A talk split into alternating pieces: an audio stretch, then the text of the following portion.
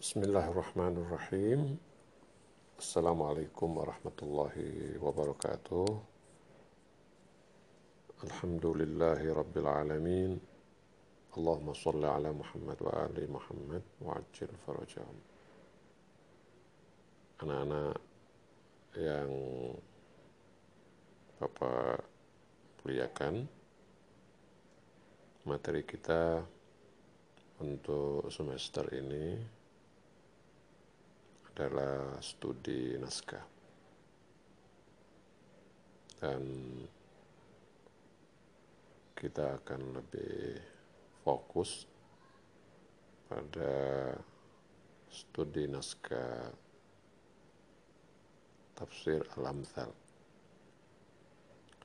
karya seorang ulama besar yang masih hidup dewasa ini walaupun sudah sangat sepuh yaitu Ayatullah Makarim Syirazi. Beliau sekarang tinggal di kota Kum dan merupakan salah seorang marje terbesar di Iran yang memiliki karya yang sangat banyak di berbagai disiplin ilmu Islam tentunya. Salah satunya adalah karya tafsir beliau yang disebut dengan nama Al-Amthal. Aslinya kitab tafsir ini ditulis dalam bahasa Persia. Namuneh, tafsiri Namuneh. Dan diterjemahkan ke dalam bahasa Arab dengan Al-Amthal. Bahasa yang digunakan dalam kitab Al-Amthal ini bahasa yang uh, cukup mudah untuk difahami. Tidak muakat, tidak menjelimet. Dan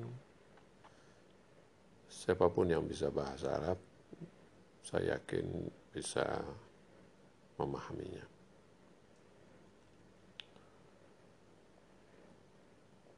Meskipun surat Al-Hujurat tidak terlalu panjang, jumlah ayatnya cuma 18, tapi saya tidak yakin bahwa kita bisa menyelesaikan studi naskah ini secara sempurna dalam pengertian bisa menyelesaikan semua uh, penjelasan-penjelasan penulis dalam kitabnya ini. Pada dasarnya ketika kita melakukan studi naskah, tujuannya supaya kita bisa memahami maksud dari penulis atau kita terbiasa berhadapan dengan sebuah gaya tulisan. Tentu kitab Al-Amthal ini ditulis dengan gaya bahasa Arab modern. Beda dengan kitab-kitab tafsir klasik yang cenderung eh, bahasanya menjelimet bahasa kitab-kitab klasik itu kan tidak terurai secara eh, apa namanya mufassal ya terurai secara rinci lebih banyak menggunakan uh, uslub atau pola kalimat yang yang apa namanya padat. Tapi kalau karya-karya tulisan baru lebih lebih apa namanya lebih lebih inilah lebih lebih berjalan lebih ini lebih lebih apa istilahnya saya jadi lupa dalam bahasa Indonesia-nya.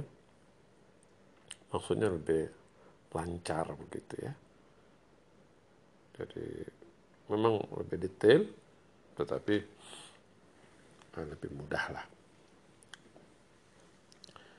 nah karena kitab tafsir ini berbahasa Arab sudah barang tentu dituntut para mahasiswa untuk menguasai bahasa Arab, menguasai kosakata, memahami maksud, dan memang buat sebagian mungkin tidak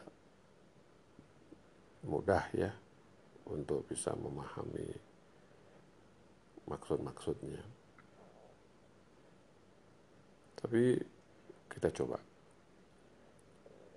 Ini penting buat kita untuk melakukan studi naskah ini karena ketika nanti kamu melakukan penelitian, kamu menulis uh, skripsi, mau tak mau kamu pasti akan merujuk kepada kitab-kitab tafsir yang berbahasa Arab boleh jadi kitab-kitab tafsir yang modern atau kitab-kitab tafsir yang klasik. Nah, kalau kamu tidak terbiasa membaca kitab-kitab tafsir,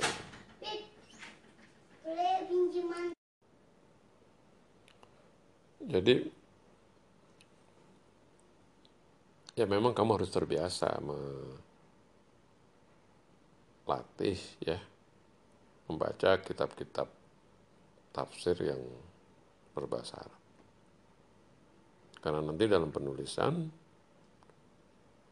kalau kamu tidak memahami dengan baik maka akan terjadi kesalahan pemahaman, kesalahan penyimpulan.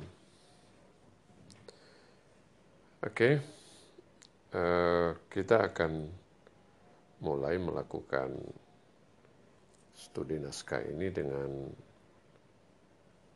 membaca kitab tafsir Al-Amthal dan kita pilih surat Al-Hujurat. Saya akan bacakan Eh, teks-teks yang ditulis oleh penulis. Dan berharap kamu bisa mengikutinya. Oke, kita mulai. Suratul Hujurat. Madaniyah. Wa adadu ayatiha 18 محتوى السورة. هذه السورة التي لا تتجاوز ثمانية عشر آية تحمل فيما تحمل مسائل مهمة تتعلق بشخص النبي الكريم صلى الله عليه وآله وسلم والمجتمع الإسلامي بعضه ببعض. وحيث إن أغلب المسائل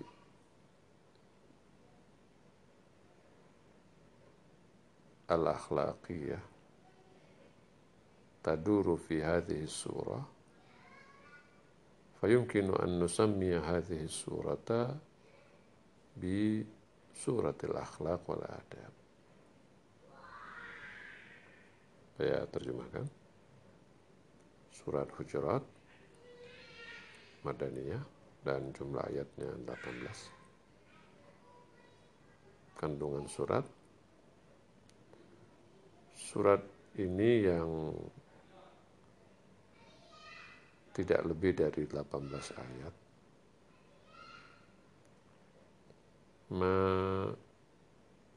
Mengandung apa yang dia kandung tentang masalah-masalah yang penting yang menyangkut pribadi Nabi Muhammad SAW dan masyarakat Islam satu sama lain. Dan karena eh, mayoritas atau sebagian besar masalah-masalah akhlak yang mengitari surat ini atau yang ada di surat ini, maka kita bisa menamakan surat ini dengan surat akhlak dan adab.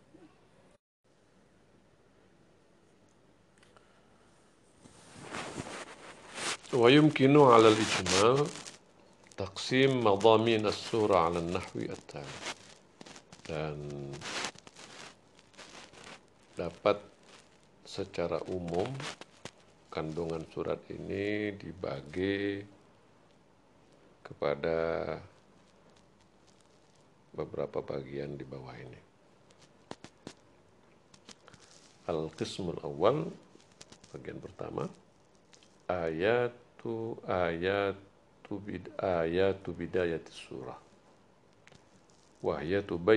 Tariqat at-ta'amuli ma'an Nabi sallallahu alaihi wa alihi wa adabiha wa ma yanbaghi 'ala al-muslimin mura'atuhu min usulin inda hadratin nabi. Bagian pertama adalah ayat-ayat permulaan surat. Dan ayat-ayat ini menjelaskan metode berinteraksi dengan Nabi. Dan adab-adabnya, serta apa yang harus dijaga oleh kaum muslimin. Mura'at itu artinya memelihara, menjaga. Wama yang bagi apa yang harus. Dan apa yang harus dijaga oleh kaum muslimin eh, dari prinsip-prinsip, maksudnya prinsip-prinsip pergaulan di hadapan Nabi Sallallahu Alaihi Wasallam. Jadi yang pertama pada permulaan surat ini adalah ayat-ayat yang menjelaskan tentang metode interaksi dengan Nabi dan adab-adab berinteraksi dengan Nabi. Asani yang kedua, bagian yang kedua, تشتمل هذه السورة على سلسلة من أصول الأخلاق الاجتماعية المهمة التي إن عمل بها وعلى هداها حفظت المحبة والصفاء والأمن wal ittihad fil mujtama' al-islami walal aksi min dhalik. Law uhmilat takunu sababan lis syaqa wan nifaq wat tafarruq wa adamil amn yang kedua surat ini mencakup rangkaian prinsip-prinsip akhlak sosial yang penting. Yang jika di praktekkan inomila biha jika dilakukan wa ala hudaha sesuai dengan petunjuk-petunjuknya maka rasa cinta kasih mahabbah wasofa ketulusan wal am keamanan dan persatuan akan terjaga dalam masyarakat Islam atau masyarakat Muslim. Wa alal aks dan sebaliknya. Wa alal aksi min dan sebaliknya seandainya prinsip-prinsip ini diabaikan lauh milat diabaikan maka dia akan menjadi sababan lisyaqa akan menjadi sebab bagi terjadinya syaqa ketidakbahagiaan, kesengsaraan. kedurhakaan. Nifak, menafikan dan perpecahan serta tidak adanya keamanan. Al-thalithu al-awamir al-irsyadiyah al-muta'alliqah bikaifiyati muwajahatil ikhtilafat wat tanazu'i awil qital alladhi qad yaqa'u bainal muslimina ahyanan. Bagian yang ketiga adalah uh, arahan-arahan al-awamir al-irsyadiyah atau perkara-perkara yang berupa arahan-arahan hmm yang menyangkut atau yang terkait tentang bagaimana menghadapi perselisihan dan pertentangan atau bahkan peperangan yang kadang-kadang terjadi di antara kaum muslimin. Yang keempat, ar-rabi' yatahaddath an mi'yari qimatil wa ahammi wa. Yang keempat berbicara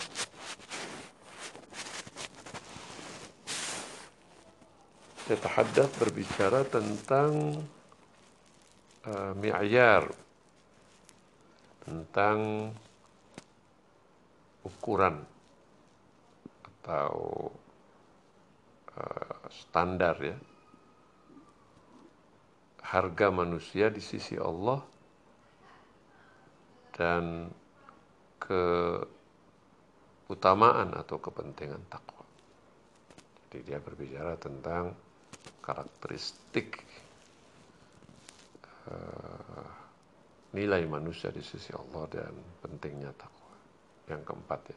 Al-khamis yang kelima yu'aliju qadiyah أن الإيمان ليس بالقول فحسب بل لا بد من ظهور آثاره في أعمال الإنسان والجهاد بالمال والنفس إضافة إلى الاعتقاد في القلب. yang kelima ayat-ayat yang me yu'alis itu me beri jalan keluar. Atau atau memberi solusi ya. Uh, sebagai sebuah solusi atas persoalan bahwasanya iman itu bukan bil qawli fahasb annal iman laisa bil qawli fahasb bahwa iman itu bukan hanya ucapan. Tidak cukup dengan ucapan. Tapi la buddha min zuhuri asarihi fi a'malil insan. Tetapi harus uh, ada bukti atau muncul efeknya. Tapi harus memunculkan efek keimanan itu dalam perbuatan manusia dan jihad dengan harta dan nyawa. Selain adanya al-i'tiqad fil qalb, adanya keyakinan atau kemantapan dalam hati. As-sadis yatahaddatsu 'anil imani wal islami huma hadiyatun ilahiyah lil mu'minin. Wa badalan min an yamunnu bil islam awil iman. Yanbaghi an yashkurullaha ala hadhihi al hadiyah id syamilahum biha. Yang keenam ayat-ayat yang berbicara tentang bahwa iman itu dan Islam itu adalah hadiah ilahi bagi kaum mukminin Dan daripada wabadalan itu ganti sebetulnya ya. Tapi mungkin di sini kita terjemahkan daripada. Dan daripada orang-orang Islam ya munu itu kan fi'il mudore ala wazan uh, yaf'alun yaf'alu mereka hum.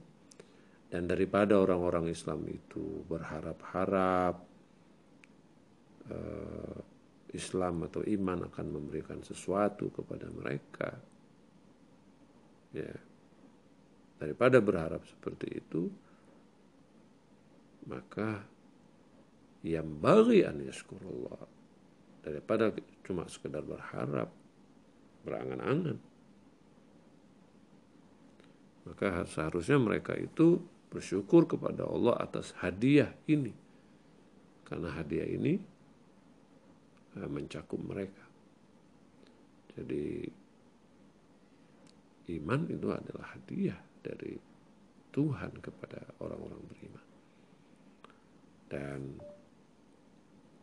daripada berharap bahwa akan mendapat A, mendapat B dan sebagainya. Seyogianya justru mereka harus bersyukur atas karunia Allah Subhanahu wa taala yang luar biasa ini.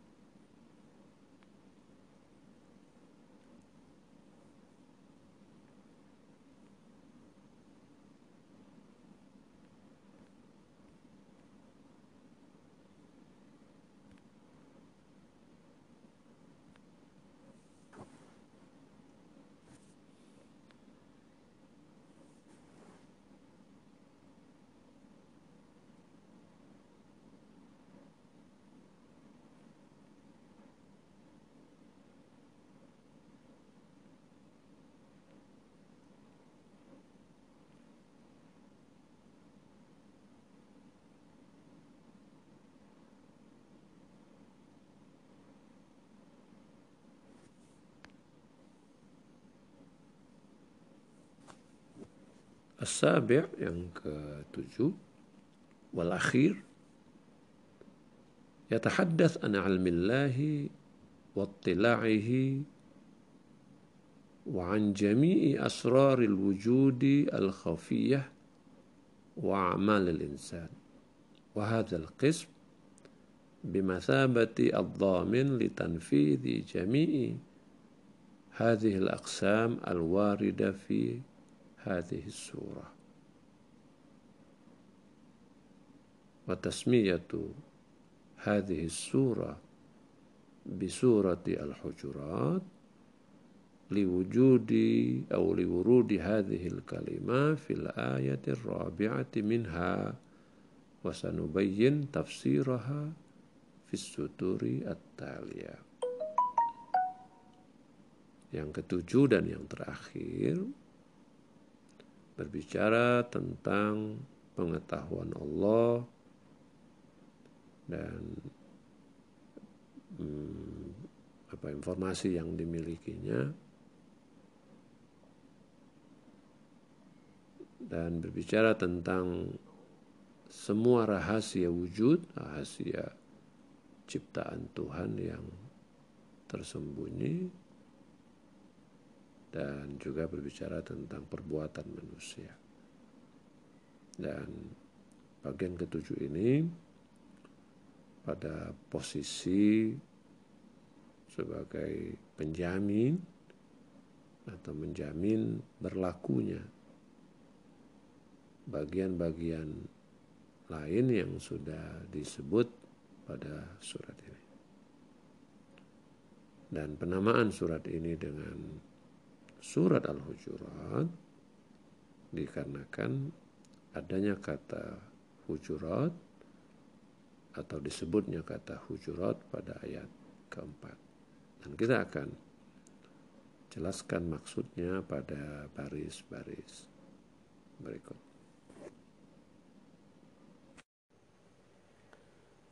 Jadi kalau kita coba mengikuti penjelasan mualif ini,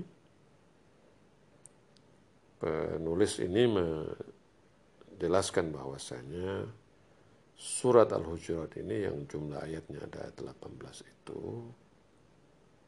itu paling tidak mengandung tujuh tema. Tujuh tema yang dikaji di dalam surat ini. Yang pertama, yang terdapat pada ayat-ayat pertama pada surat Al-Hujurat, itu berbicara tentang uh, kriteria atau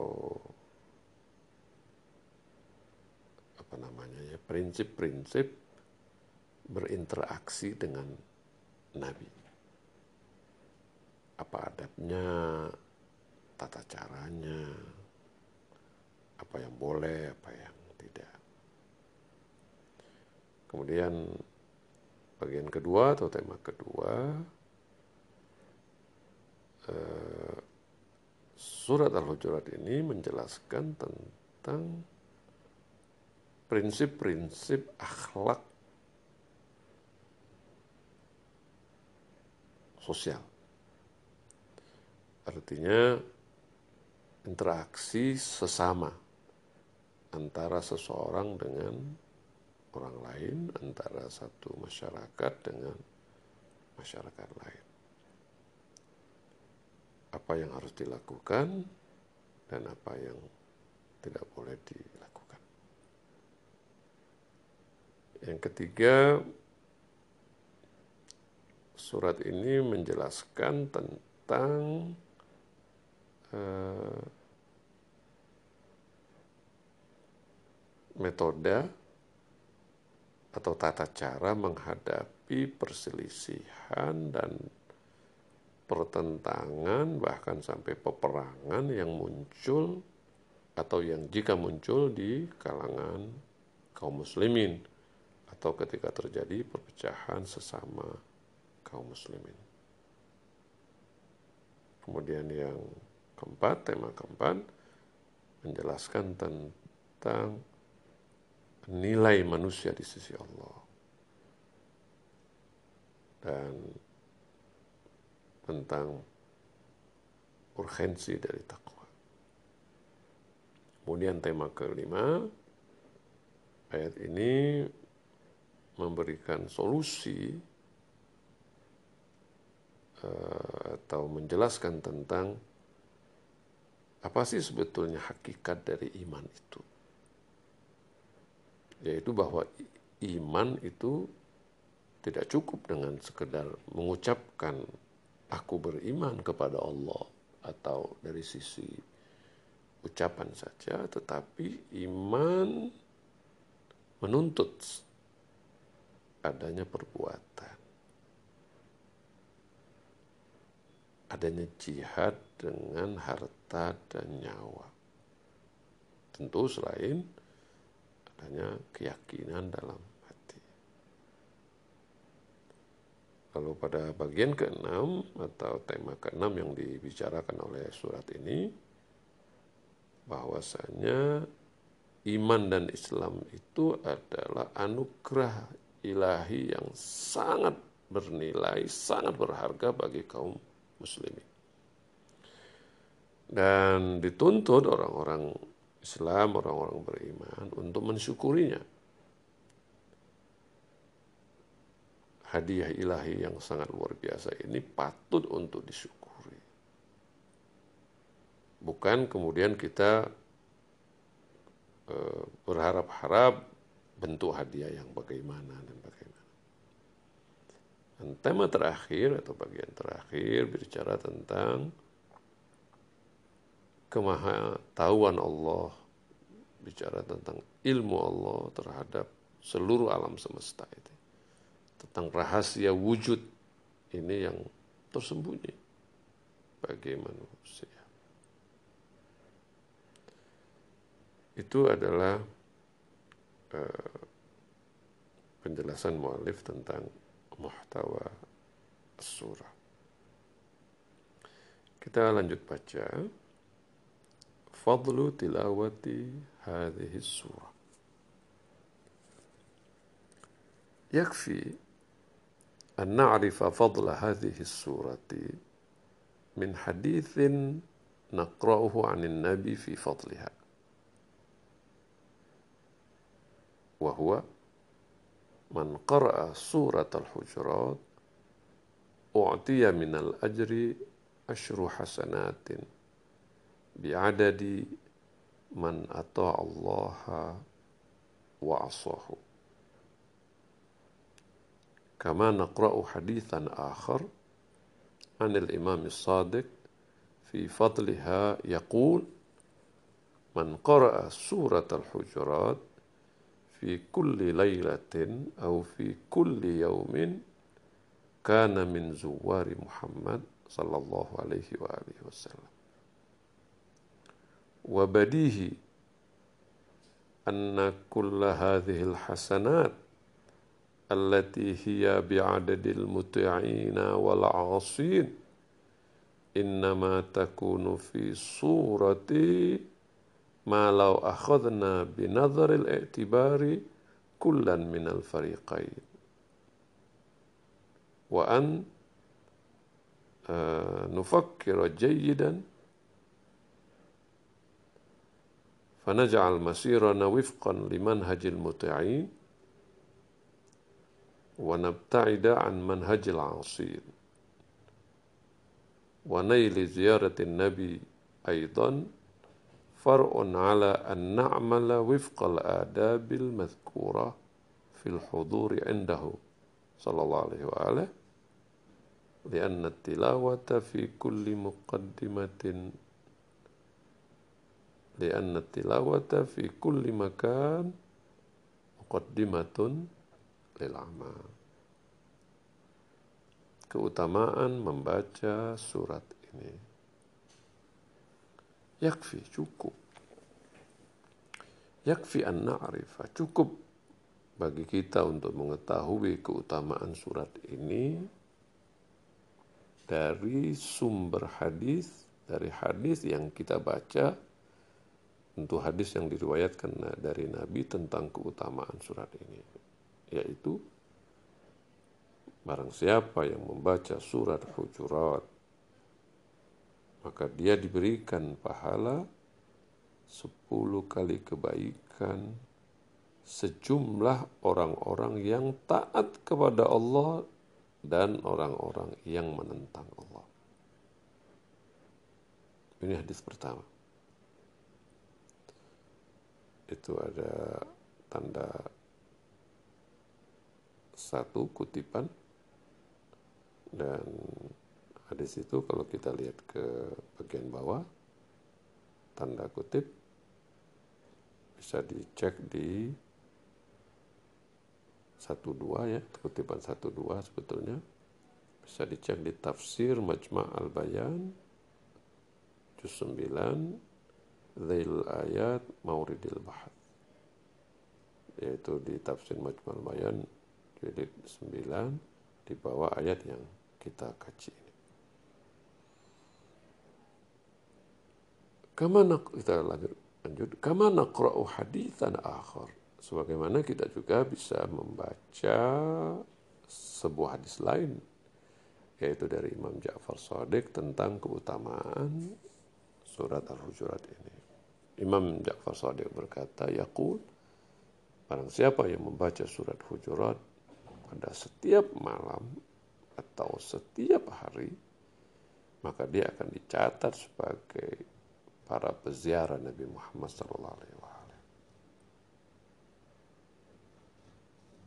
Jadi kita lihat bahwa membaca surat Al-Hujurat punya nilai.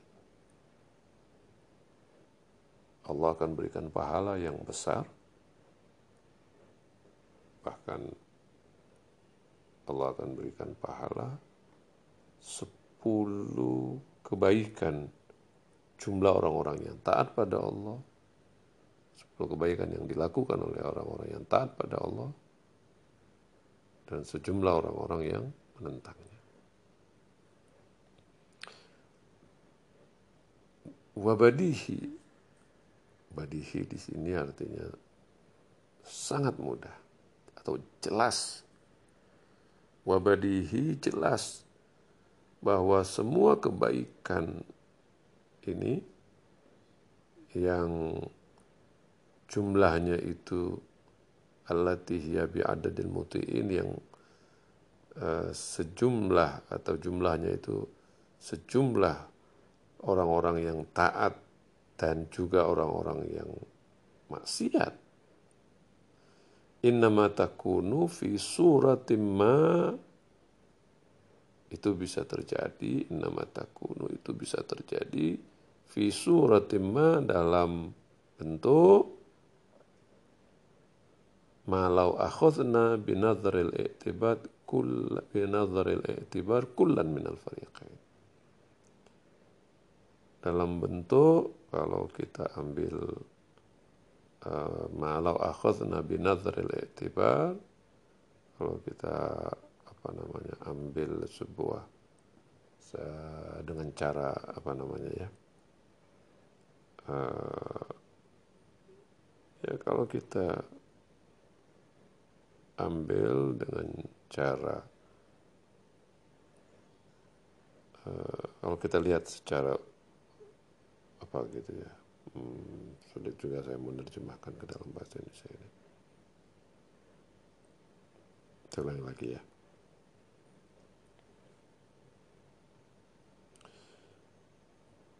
wabadihi dan dengan mudah bahwa semua kebaikan ini yang dijanjikan di atas. Yang jumlahnya itu sejumlah para orang-orang yang taat dan orang-orang yang maksiat. Innama takun itu terjadi fi surah. Surah itu dalam bentuk ya, dalam gambar. Jadi pada bentuk malau akhadna binadharil i'tibar kullan minal fariqain. Dalam bentuk kalau kita anggap setiap dari dua kelompok itu wa an nufakkira dan kita berpikir dengan baik kemudian fanaj al masirana wifqan liman hajil muti'in. Dan kemudian kita jadikan jalan kita itu sesuai dengan jalan orang-orang yang taat. Wanabta'id an manhajil asin. Dan kita menjauh dari jalannya orang-orang yang maksiat.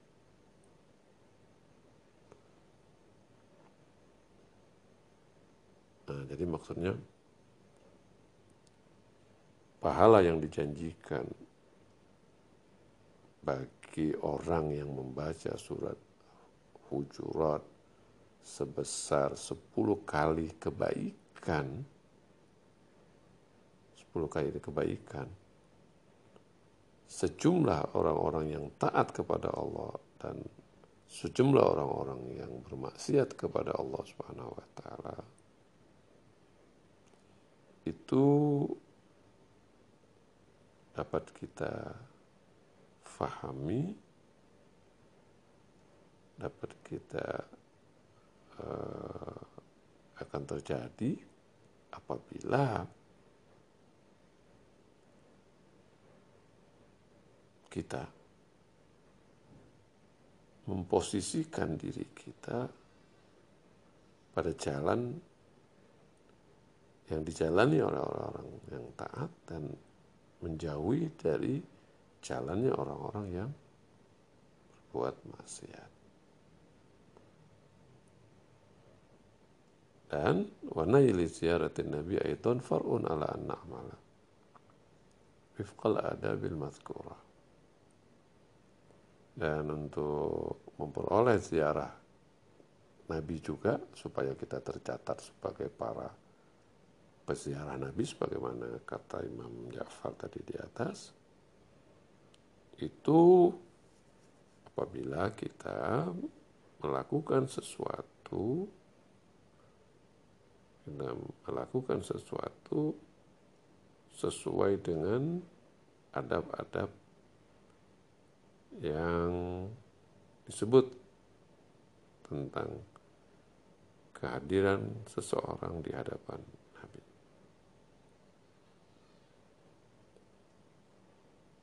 Jadi eh,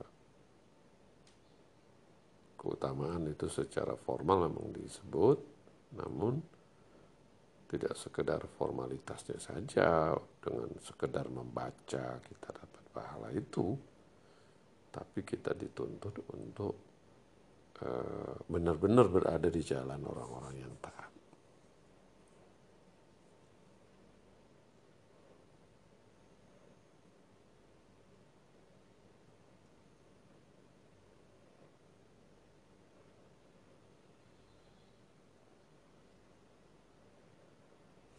Jadi bukan sekedar formalitas ya, bukan sekedar Eh, siapa pun yang membacanya akan mendapatkan pahala seperti itu dan akan dicatat sebagai para peziarah Nabi. Tapi lebih kepada tuntutan supaya kita berada di jalan orang-orang yang baik, saleh, dan menjauhi jalan orang-orang yang bermaksiat sehingga kita akan diberikan pahala yang 10 kali lipat itu.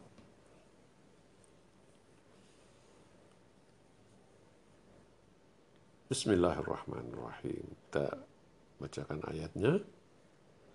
Ya ayyuhalladzina amanu la tuqaddimu baina yadayillahi wa rasulih wattaqullaha innallaha sami'un alim. Hai orang-orang yang beriman, jangan kamu uh, mendahului Allah dan Rasulnya. dan bertakwalah pada Allah. Sesungguhnya Allah Maha mendengar lagi Maha mengetahui. Ya ayyuhalladzina amanu la tarfa'u aswatakum fawqa sawtin nabi tajharu lahu bil qawli kajahri ba'dikum li ba'din an tahbata a'malukum wa antum la tash'urun. Wahai orang-orang yang beriman, jangan kamu meninggikan suara kamu di atas suara Nabi. Dan janganlah kamu uh, bersuara keras wala tajharu lahu bil qaul janganlah kamu bersuara keras terhadap nabi sebagaimana kerasnya kamu atau kerasnya sebagian kamu kepada sebagian yang lain antah bata amalukum karena hal itu dapat menghapus amal kamu tanpa kamu sadari. Innal ladzina yaghudduna aswatahum 'inda Rasulillah. Sesungguhnya orang-orang yang merendahkan suaranya di hadapan Rasulullah atau di sisi Rasulullah. Mereka adalah orang-orang yang telah uh, Allah uji hatinya untuk ketakwaan telah terbukti di hadapan Allah bahwa dia memiliki ketakwaan. Lahum maghfiratun wa ajrun asim. Bagi mereka ampunan, mereka akan mendapatkan ampunan dan akan mendapatkan pahala yang besar. Innal ladzina yunadunaka min wara'il hujurat aktsaruhum la yaqilun. Sesungguhnya orang-orang yang menyerumu di balik bilik-bilik atau di belakang bilik-bilik sebagian besar mereka tidak berpikir stupid Walau annahum sabaru hatta takhruja ilaihim lakana khairan lahum. Wallahu ghafurur rahim. Seandainya mereka bersabar sampai engkau keluar menemui mereka, itu jauh lebih baik buat mereka. Dan Allah Maha Pengampun lagi Maha Pengasih. Itu terjemahan ayat-ayat pertama di surat Al-Maidah. Jadi dari ayat 1 sampai ayat 5. Sekarang kita coba membaca berikutnya. Yaitu tentang sebab turunnya ayat-ayat dalam surat ini atau surat ini. Sababun nuzul. ذكر المفسرون لنزول الآية الأولى من هذه السورة شأنا بل شؤونا. كما ذكروا لنزول الآيات التي بعدها شؤونا أخر. Para penafsir terkait turunnya ayat pertama dari surat ini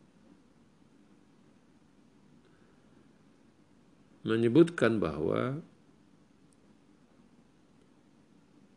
uh, ayat ini memiliki satu kedudukan atau ada sesuatu yang penting pada ayat ini. Sebagaimana juga para mufassirin menjelaskan ada hal lain pada ayat-ayat yang lain. Masing-masing punya uh, persoalannya sendiri.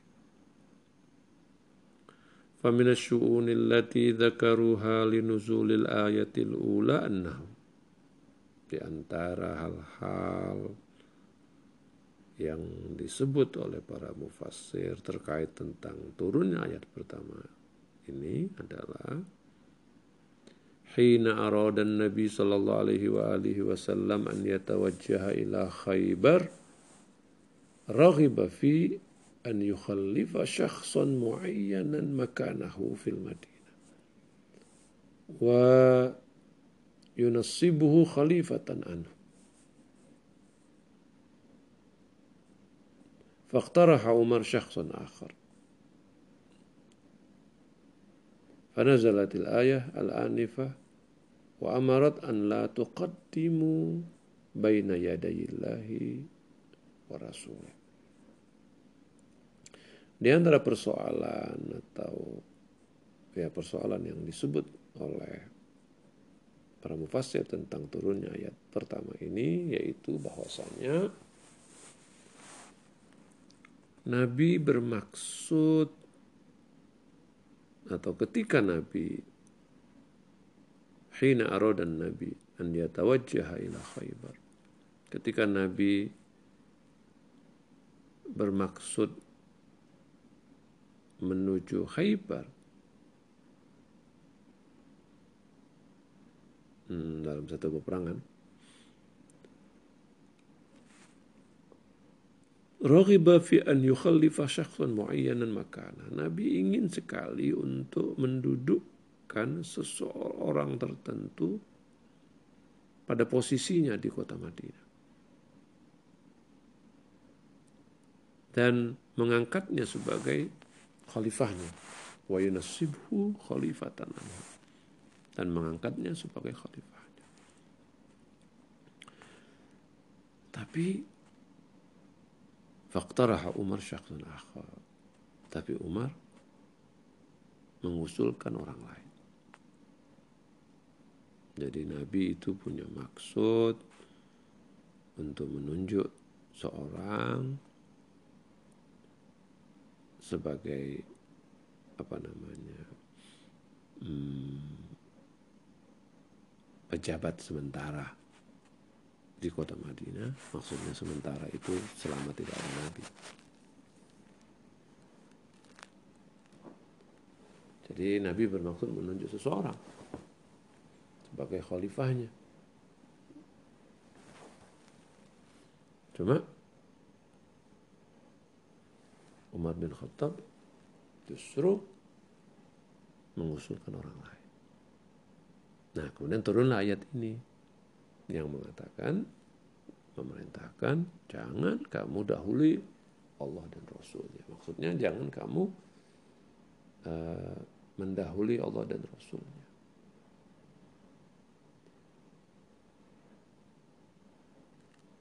Jangan kamu harus mengutamakan Allah dan Rasul. Jangan kamu mendahului, tapi kamu harus mendahulukan.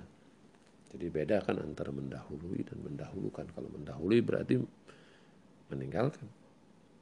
Tapi kalau mendahulukan, mengutamakan. Wa qala akharun. Kana ba'd al-muslimin bainal hmm, tertulis itu bainal finati wal ukhra yaqulun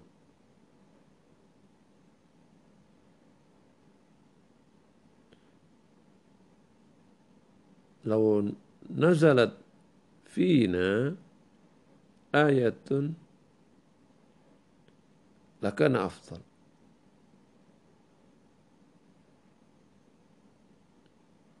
فنزلت الآية أن لا تقدموا بين يدي الله ورسوله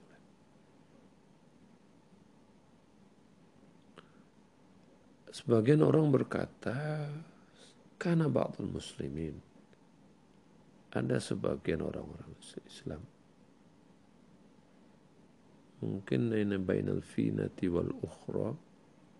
Kan maksudnya bainal hini wal akhir ya. Jadi sebagian kaum muslimin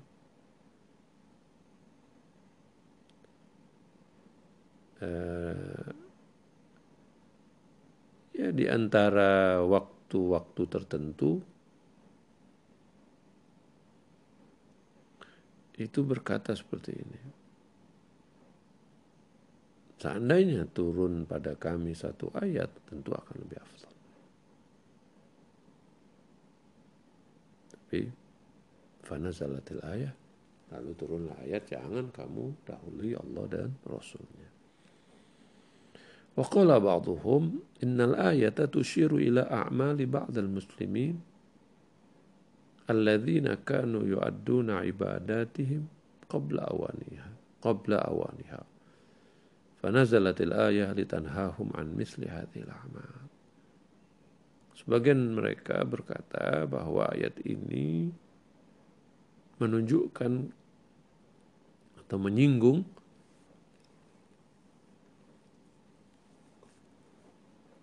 menyinggung atau menunjuk kepada amalan-amalan yang dilakukan oleh sebagian muslimin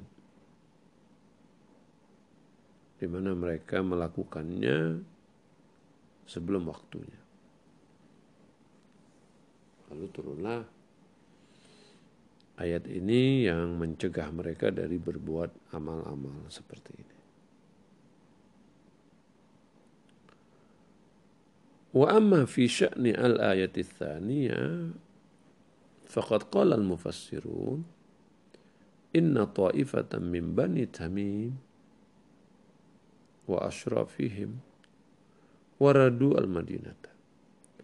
فلما دخلوا مسجد النبي نادوا بأعلى صوتهم وراء الحجرات التي كانت للنبي. يا محمد أخرج إلينا. فعزعجت هذه الصرخات غير مؤدبة.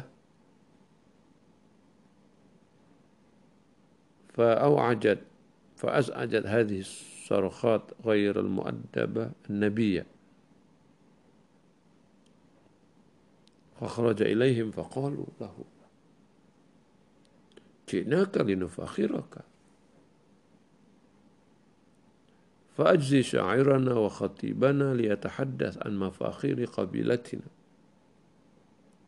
فأجاز فأجازهم النبي صلى الله عليه وآله فنهض خطيبهم وتحدث عن فضائلهم الخيالية الوهمية كثيرا فأمر النبي ثابت بن قيس أن يرد عليه فنهض.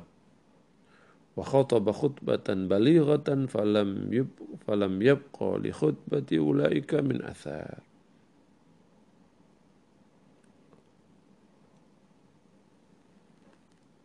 ثم نهض شاعرهم وألقى قصيدة في مدحهم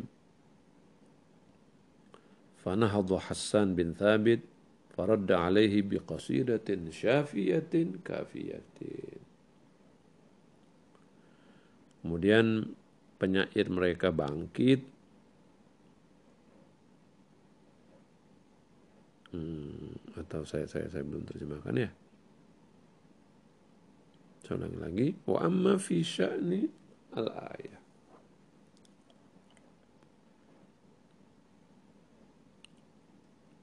Adapun terkait dengan ayat kedua wa amma fi sya'nil ayati tsaniyah adapun hmm, terkait dengan ayat kedua faqad qala al-mufassirun para mufassir berkata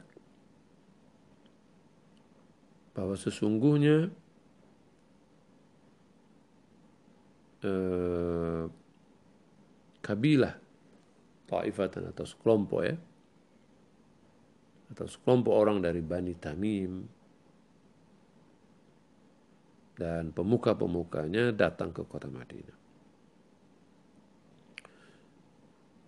Begitu mereka masuk, masuk ke masjid Nabi, mereka memanggil atau menyeru dengan suara keras bi'ala sautihim dari balik-balik dari balik pintu-pintu yang merupakan atau di balik kamar-kamar yang merupakan uh, milik Nabi. Mereka berkata, "Ya Muhammad, ukhruj ilaina." Muhammad, keluar kepada kami. فأزعجت هذه الصرخات غير المؤدبة النبي maka teriakan-teriakan yang tidak sopan ini mengagetkan Nabi As'aj itu mengagetkan Fakharaja ilaihim Nabi keluar menemui mereka lalu mereka berkata Jina kali nufakhiraka kami datang ke sini untuk hmm, bertanding kemuliaan kira-kira begitu ya. Linufakhiraka untuk menunjukkan keagungan kami.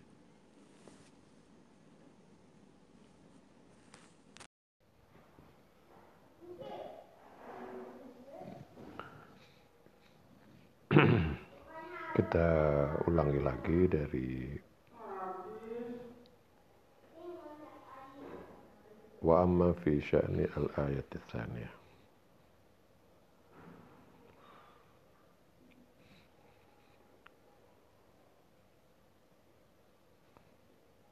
Adapun terkait dengan ayat kedua ayat kedua itu apa? Ya ayyuhalladzina amanu la tarfa'u aswatakum fawqa sawtin nabi wa amma fi sya'ni a wa amma fi الثانية فقد قال faqad qala al-mufassirun inna ta'ifatan min bani tamim wa waradu al-madinah. Adapun terkait dengan ayat kedua, sebagian mufassir atau para mufassir berkata, sesungguhnya sekelompok Bani Tamim dan para pemuka mereka datang ke kota Madinah. Falamma dakhalu masjid nabi nadaw bi'a'la sawtihim min wara'il hujurat allati kanat nabi. Maka ketika mereka masuk ke masjid Nabi, mereka berteriak, memanggil, nadau, memanggil dengan suara tinggi dari balik bilik-bilik yang merupakan bilik Nabi. Ya Muhammad ukhruj ilaina. Mereka berkata, wahai Muhammad, keluarlah kepada kami.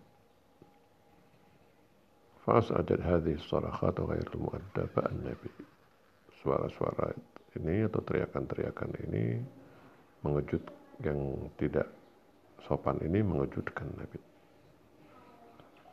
Fakharaja ilaihim faqaululah. Lalu Nabi keluar ke menemui mereka dan mereka berkata kepada Nabi, Ji'naka linufakhiraka fa'ajzi syairana wa khatibana kami datang kepadamu untuk hmm, mengajakmu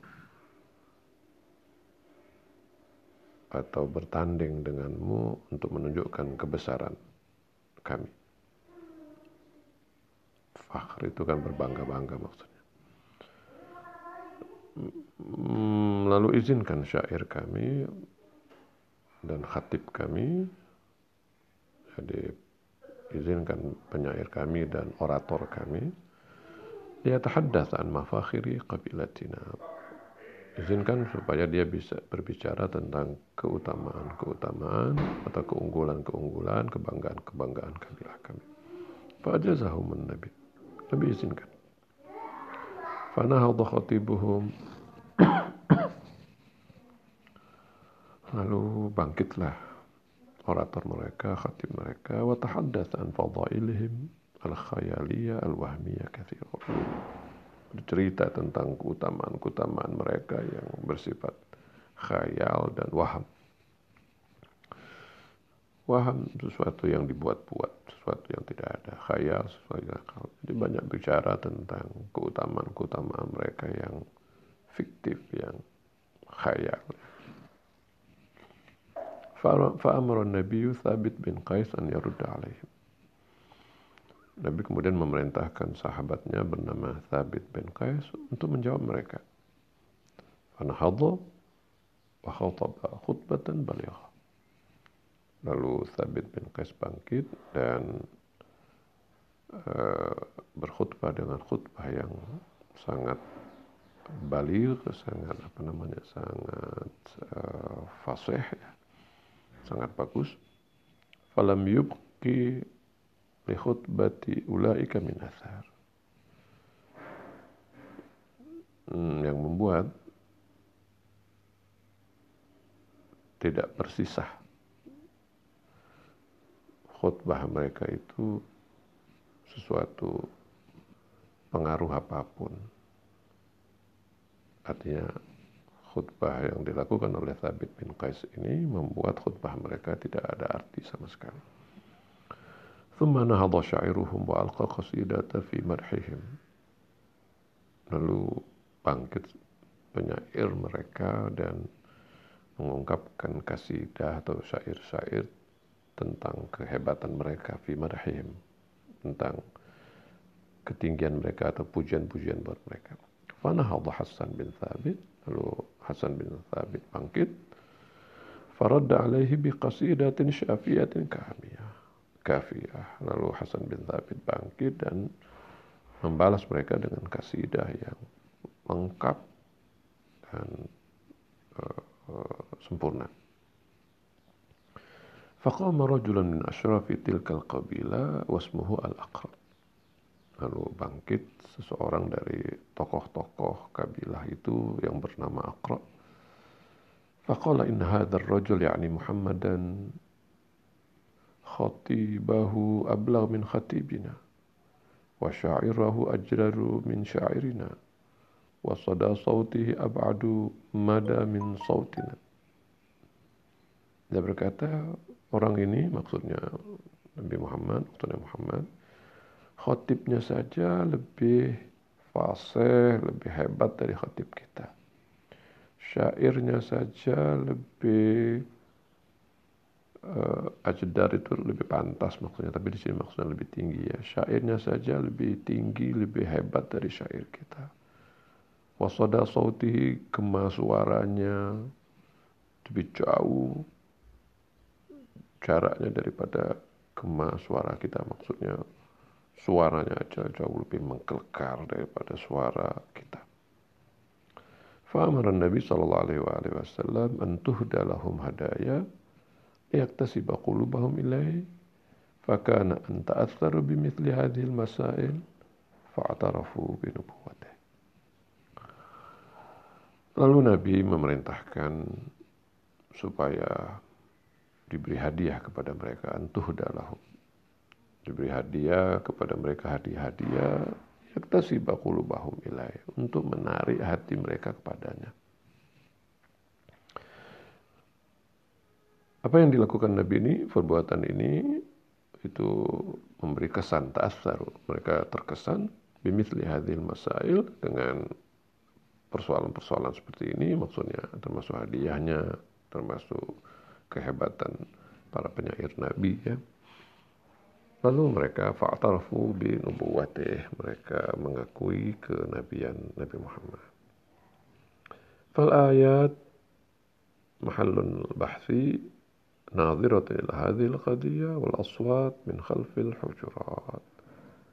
Maka ayat-ayat yang menjadi tempat pembahasan kita, yang menjadi kajian kita, nadhirah ila hadhil qadiyah berkaitan dengan peristiwa ini atau nazirah itu melihat ya tapi maksudnya di sana uh, ayat-ayat yang jadi pembahasan kita ini beririsan atau atau terkait dengan peristiwa ini, dengan masalah ini. Dan suara-suara dari balik uh, hujurat itu, di balik apa namanya bilik-bilik itu.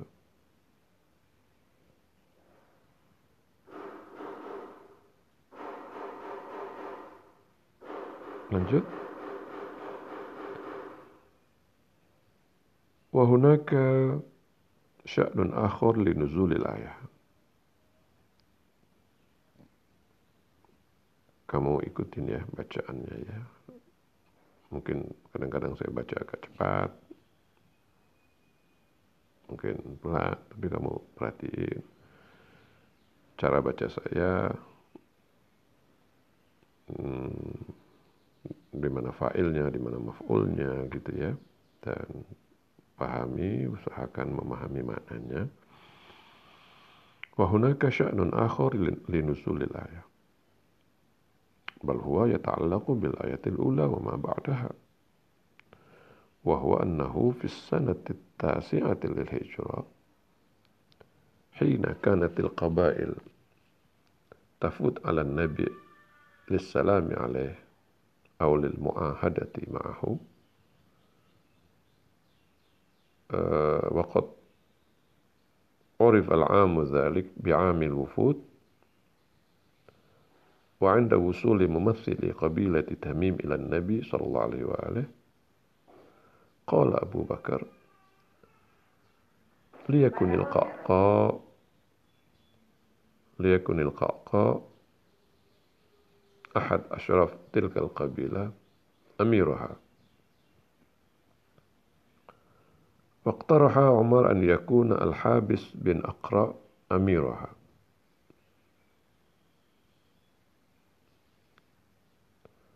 فقال أبو بكر لعمر أردت أن تخالفني؟ فرد عليه عمر بأنه لم يرد مخالفته أبدا. فتعالى الصياح والضجيج بينهما. فنزلت الآيات الآنفة. أي لا تقترحوا في الأمور على النبي شيئا ولا تتقدموا عليه في العمل ولا ترفعوا أصواتكم عند بيت النبي. وهناك شأن آخر. Di sisi lain ada penjelasan lain keadaan lain linuzulil ayat terkait dengan turunnya ayat ayat di atas tadi. Bal huwa yata'allaqu bil ayatil ula wa ba'daha. Bahkan uh, cerita lain ini terkait dengan ayat pertama dan sesudahnya. Wa huwa annahu yaitu fi sanati tasi'ati lil hijrah pada tahun 9 hijrah hina kanatil qabail tafut ala nabi lissalami alaihi aw lil muahadati ma'ahu yaitu ketika kabilah-kabilah tafud ala Nabi maksudnya berkunjung kepada Nabi membawa ufud, membawa uh, apa namanya rombongan yaitu ketika kabilah-kabilah berkunjung kepada Nabi lissalami alaih untuk mengucapkan salam kepadanya awlil mu'ahadati ma'ahu atau untuk mengikat janji dengannya Waqad urifa al-amu dzalika bi'amil wufud dan tahun itu dikenal sebagai tahunnya wufud, amul wufud, tahunnya para delegasi. Wa anda wusuli mumathili qabilati Tamim ila Nabi dan ketika uh, sampainya atau ketika para wakil atau utusan dari kabilah Tamim tiba berjumpa dengan Nabi Sallallahu Alaihi Wasallam Qala Abu Bakar, Abu Bakar berkata, Liyakunil qaqa ahadu ashraf tilkal qabila amirah. Abu Bakar berkata, hmm, hendaklah qaqa nama ya salah seorang tokoh kabilah itu menjadi amirnya, menjadi tuannya, menjadi pimpinannya. Abu Bakar mungkin kenal dengan kakak dan dia berkata atau dia mengusulkan supaya yang menjadi pimpinannya adalah uh, Qaqah. Waqtaraha Umar an yakun al-Habis bin Aqra amiraha. Tapi sebaliknya Umar mengusulkan, iqtaraha mengusulkan. Umar mengusulkan hendaklah Habis bin Aqra sebagai amirnya. Sebagai komando komandan dari atau pimpinan dari kabilah itu. Faqala Abu Bakar li Umar. Abu Bakar berkata kepada Umar, Arata antu khalifani? Kau bermaksud untuk membantahku, menentangku? Farada alaihi Umar. Umar menjawab Abu Bakar, Biannahu lam yurid mukhalafatahu abada. Dia tidak bermaksud untuk menentangnya. Atau dia tidak berkeinginan untuk menentangnya selamanya. Fata'ala siyah wa dajiz bainahuma. Lalu terjadilah teriakan-teriakan dan dajid suara tinggi di antara keduanya. Artinya mereka berdua uh, berdebat, mereka berdua apa namanya? Ya berdebat, ya ribut satu sama lain dengan suara tinggi. Fanazalatil ayatul anifah. Lalu turunlah ayat-ayat yang tadi disebut di atas.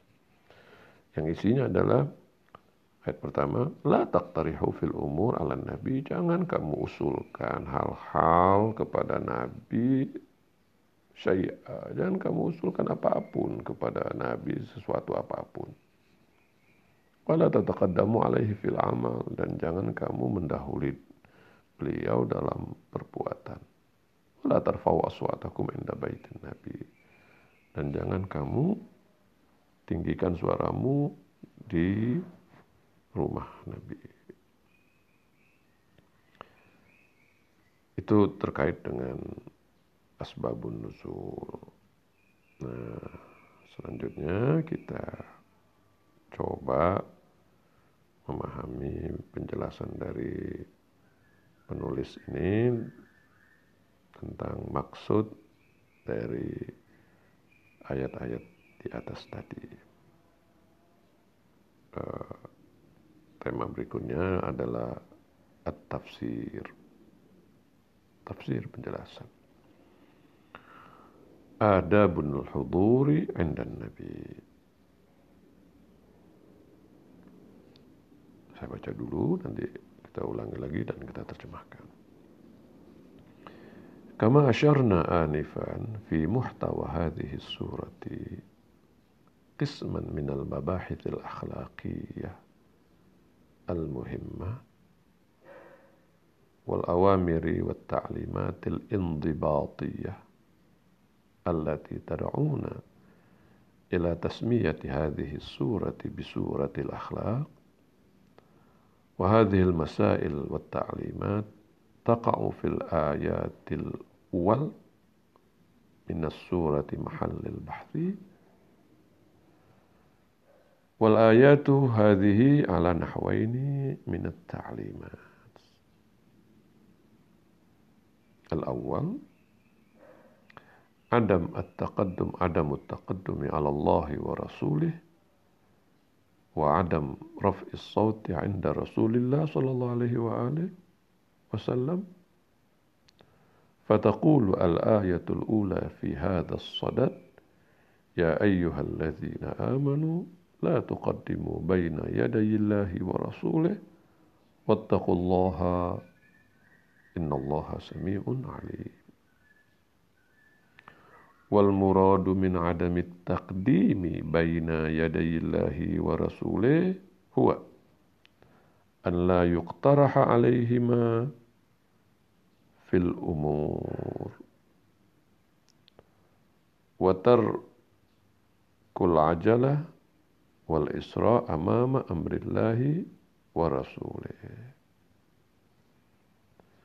وبالرغم من أن بعض المفسرين أرادوا أن يحددوا مفهوم الآية وجعلوه منحصرا بأداء العبادات قبل وقتها أو التكلم قبل كلام رسول الله وأمثال ذلك إلا أنه من الواضح أن للآية مفهوما واسعا يشمل أي تقدم وإسراء في kulli khittatin wa manhajin.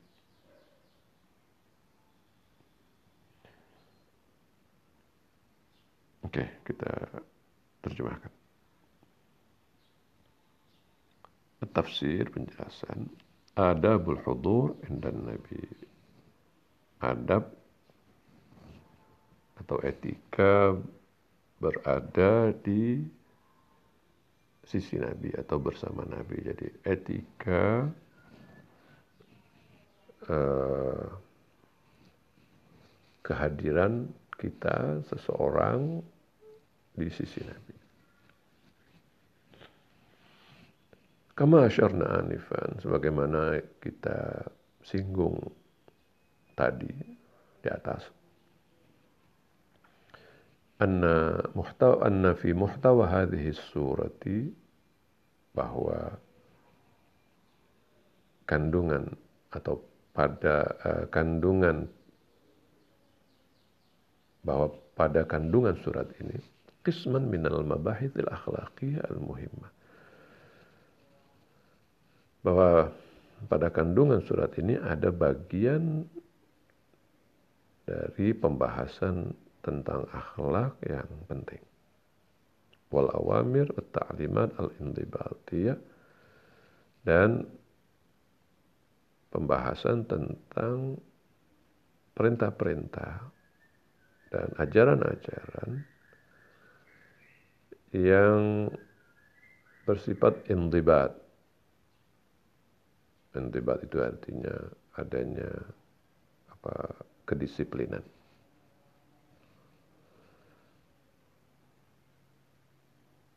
Saya ulang lagi, sebagaimana yang kita singgung di atas, bahwasanya pada kandungan ayat ini ada bagian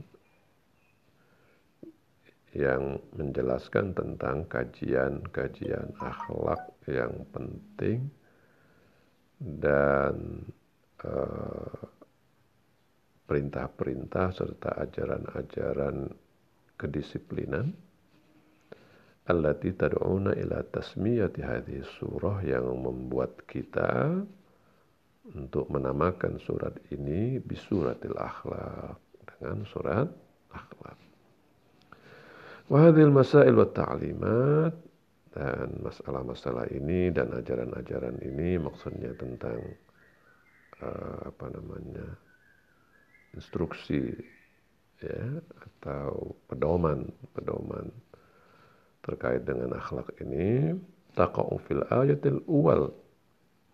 Bukan awal ya fil ayatil uwal. Terletak pada ayat-ayat pertama. Uwal itu jamak dari awal. Jadi kalau awal ya ayat satu maksudnya, tapi ini ayat-ayat pertama. Dan masalah-masalah ini serta pedoman-pedoman ini, perintah-perintah ini, ajaran-ajaran ini terletak pada ayat-ayat pertama minas surati mahalil bahar. Di surat yang jadi kajian kita ini, yaitu surat Al-Hujurat. Wal ayatu ala wal ayatu hadhi ala nahwaini minat ta'limat Ayat-ayat ini terbagi menjadi dua kategori. terkait dengan uh, pedoman-pedoman di atas atau ajaran-ajaran di atas atau instruksi-instruksi ta'limat itu secara umum kita artikan pelajaran tapi di sini berarti instruksi. Bagaimana Al-Quran memberikan instruksi kepada kita tentang akhlak khususnya di hadapan Nabi Muhammad SAW dan bahwa instruksi itu pedoman itu uh, aturan itu ada dua kategori. Yang pertama, ada mutaqaddum ala Allahi wa rasulih.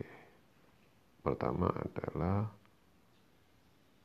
tidak mendahului Allah dan Rasulnya. Sekali lagi diingatkan tidak boleh diartikan mendahulukan ya. Karena dalam bahasa Indonesia kalau mendahulukan berarti mengutamakan. Tapi kalau mendahului ya kita yang mendahului memposisikan orang lain di belakang kita. Al-awwal ada mutaqaddam ala wa rasulih. Yang pertama, tidak mendahului Allah dan Rasulnya. Artinya yang harus diutamakan itu justru Allah dan Rasul. Kita sebagai pengikut yang ikut. Allah dulu, Rasul dulu. Bukan kemudian kita memaksakan kehendak kita, mendahulukan kehendak kita, pandangan kita, sikap kita. Allah mengajarkan di sini Allah lah yang didahulukan, Rasul lah yang harus didahulukan daripada kita. Yang kedua atau lanjutan dari ini wa adam rafis saut inda Rasulillah. Tidak boleh mendahului Rasulullah Allah dan Rasulnya dan tidak meninggikan suara di atas suara Rasulullah. Wa adam rafis saut inda Rasulillah. Tidak mendahulukan suara atau tidak meninggikan suara di hadapan Rasulullah.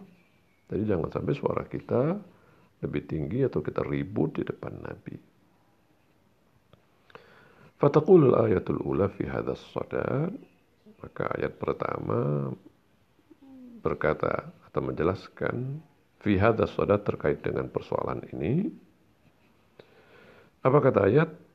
Hai orang-orang yang beriman, ya ayyuhalladzina amanu, ya hai orang-orang yang beriman, jangan kamu dahului Allah dan Rasulnya.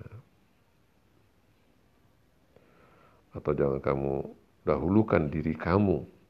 La tuqaddimu maksudnya jangan kamu dahulukan diri kamu baina yadillah baina yadayillahi wa rasuli ketika kamu ada di depan Allah dan Rasulnya. Ya. Jangan mendahului atau jangan mendahulukan diri kamu di hadapan Allah dan Rasulnya. Wattaqullah bertakwalah pada Allah inna Allah sami'un alim. Allah maha mendengar lagi maha mengetahui.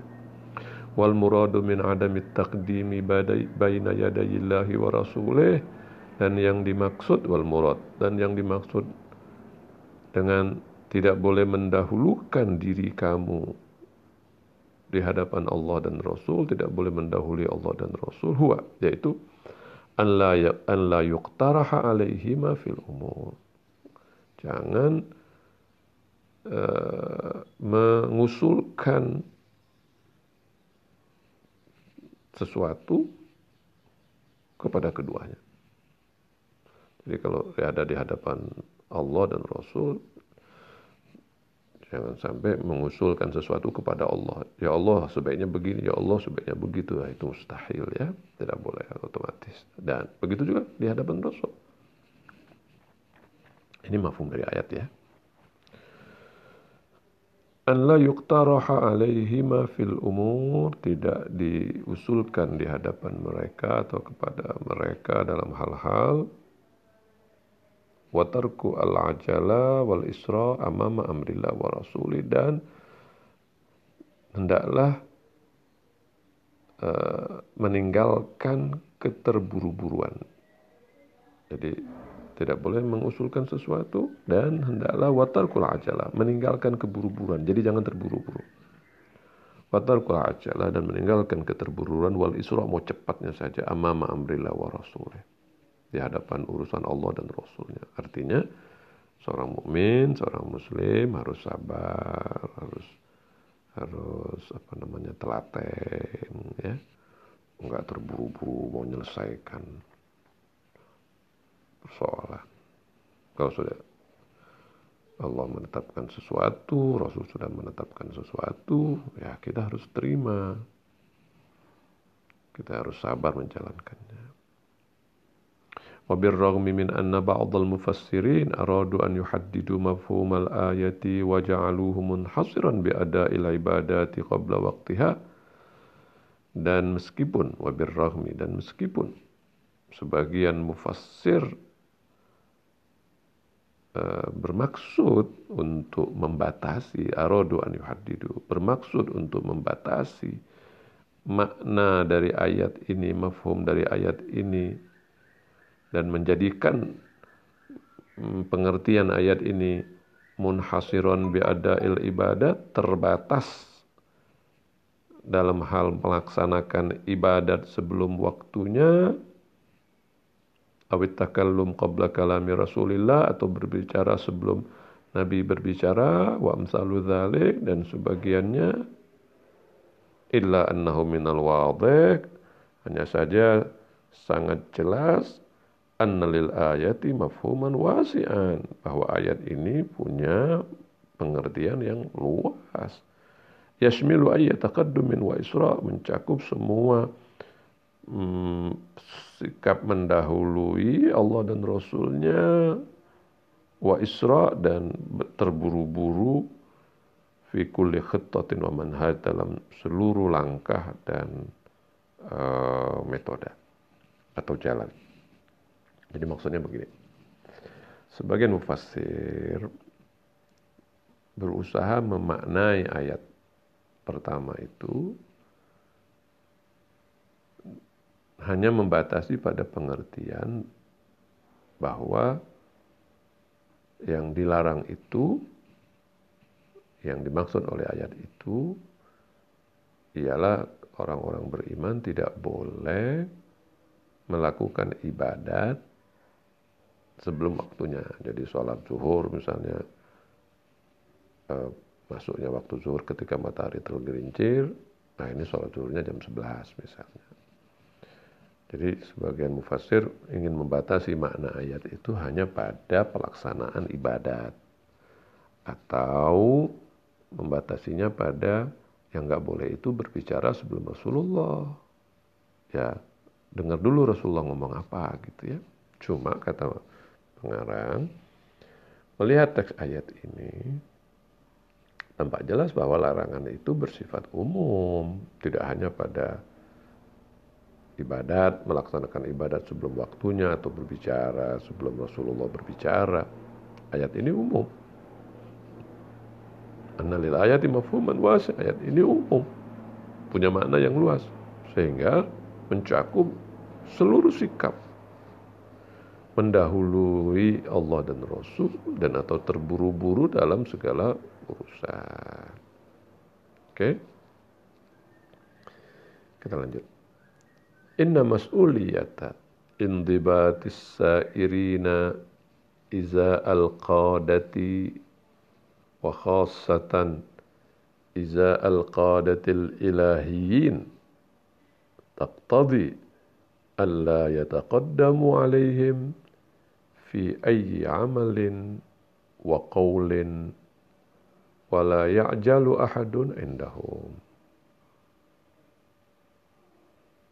Kita terjemahkan.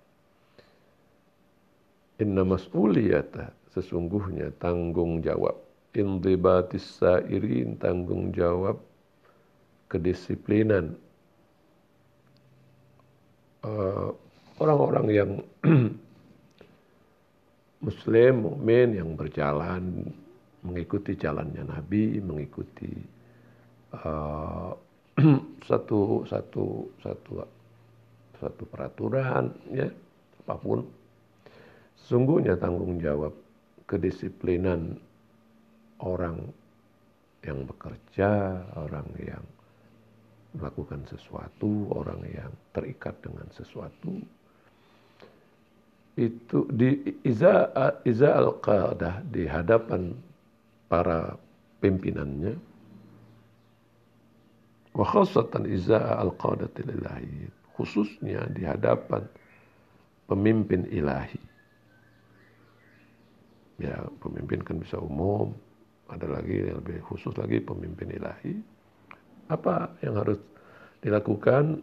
Mas'uliyah apa? Tanggung jawab apa taqtadi an la yataqaddamu alaihi menuntut taqtadi menuntut untuk mereka tidak mendahulukan urusan mereka atau tidak mendahului pimpinan mereka. Fi ay amalin.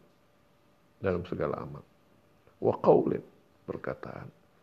Wala ya'jal ahad indahum. Dan tidak terburu-buru ketika mau cepat selesai ketika ada di hadapan mereka. Artinya konsekuensi atau tuntutan dari kedisiplinan seseorang terhadap pimpinannya, khususnya pimpinan ilahi, dia tidak boleh mendahulukan kepentingan dia, mendahulukan urusan dia di hadapan uh, apa namanya perintah, instruksi dari pimpinan mereka itu. Jadi jangan sampai lebih mementingkan diri mereka sendiri. وبالطبع فإن هذا الكلام لا يعني بأنه لا يجوز لهم أن يتشاوروا مع النبي إذا كان لديهم شيء يجدر بيانه بل المراد منه ألا يعجلوا wa yubadiru bitasmim qabla an yuwafiqan nabi ala dhalik. Hatta annahu la yambaghi an tusaru as'ilah wa munaqashat akthar mimma yalzam fi sya'nil masail. Bal yambaghi an yatrukal amra lil qaidi nafsihi an yubayyinal masaila fi hiniha لا سيما إذا كان القائد معصوما الذي لا يغفل عن أي شيء كما أنه لو سئل المعصوم أيضا لا لا يحق لا يحق للآخرين أن يجيب السائل قبل أن يرد عليه المعصوم. wa fil haqiqati الآية ayata jama'at kull المعاني ma'ani fi tayyiha. Wa bittaba tentu. Fa inna hadzal kalam la ya'ni. Apa yang kita bicarakan di atas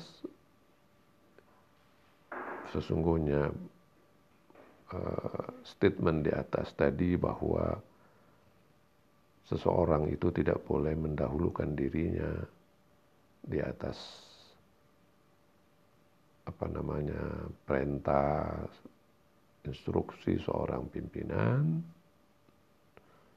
tidak boleh memberikan uh, usul kepada Rasul ketika berada di hadapan Rasul.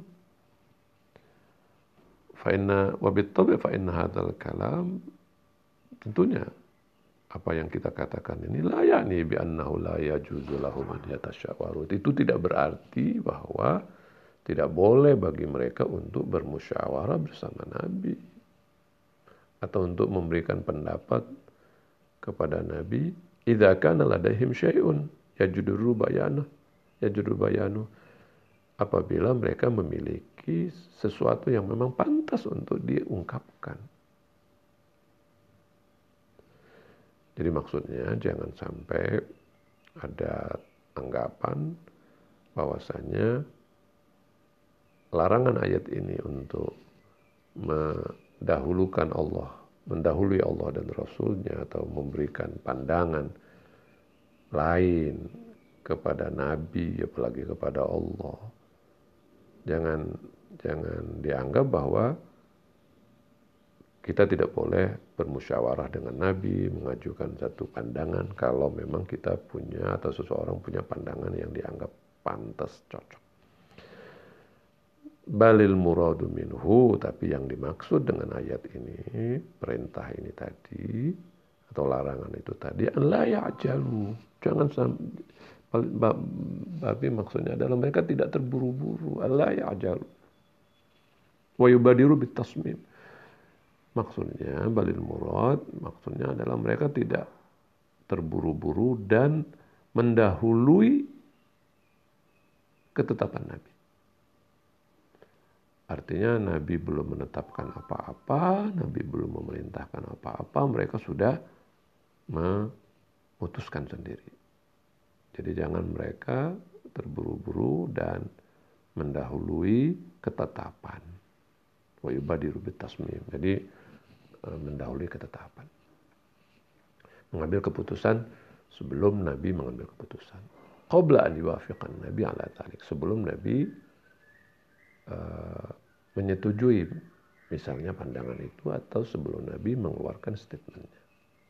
Yuafiq an Nabi ala sebelum Nabi menyetujui pandangan dia itu. Artinya dalam bermusyawarah silahkan mereka berikan pandangan apa pun tadi yang pantas tapi mereka tidak boleh mengambil keputusan sebelum Nabi menetapkan hal itu hatta annahu la yanbaghi an tusara as'ilatun wa munaqashat akthar mimma yalzam fi sya'nil masail. Bahkan tidak pantas, tidak boleh adanya satu antusaru as'ila diangkat pertanyaan-pertanyaan wa munaqashat perdebatan-perdebatan akthar mimma yalzam fi sya'nil masail lebih dari apa yang Eh, seharusnya terkait dengan masalah-masalah. Maksudnya adab yang harus dijaga di hadapan Nabi adalah bahwa selain tidak boleh mengambil keputusan, sebelum Nabi mengambil keputusan, mereka juga tidak boleh melemparkan persoalan-persoalan atau perdebatan-perdebatan yang tidak ada guna yang keluar dari masalah. Aksan mimma yalzam fi sya'nil masail. Lebih dari apa yang dituntut dalam persoalan itu. Artinya seorang mukmin ketika berhadapan Nabi tentu boleh mengajukan pandangan tapi tidak boleh mengambil ketetapan sebelum Nabi mengambil ketetapan dan kedua tidak boleh kemudian me lontarkan persoalan-persoalan yang menimbulkan perdebatan ya di luar dari eh, persoalan-persoalan yang dibahas atau uh, membuat persoalan menjadi gaduh. Bal yang an yatrukal amra lil qaidi nafsa lil qaidi nafsi. Tetapi seharusnya dia me,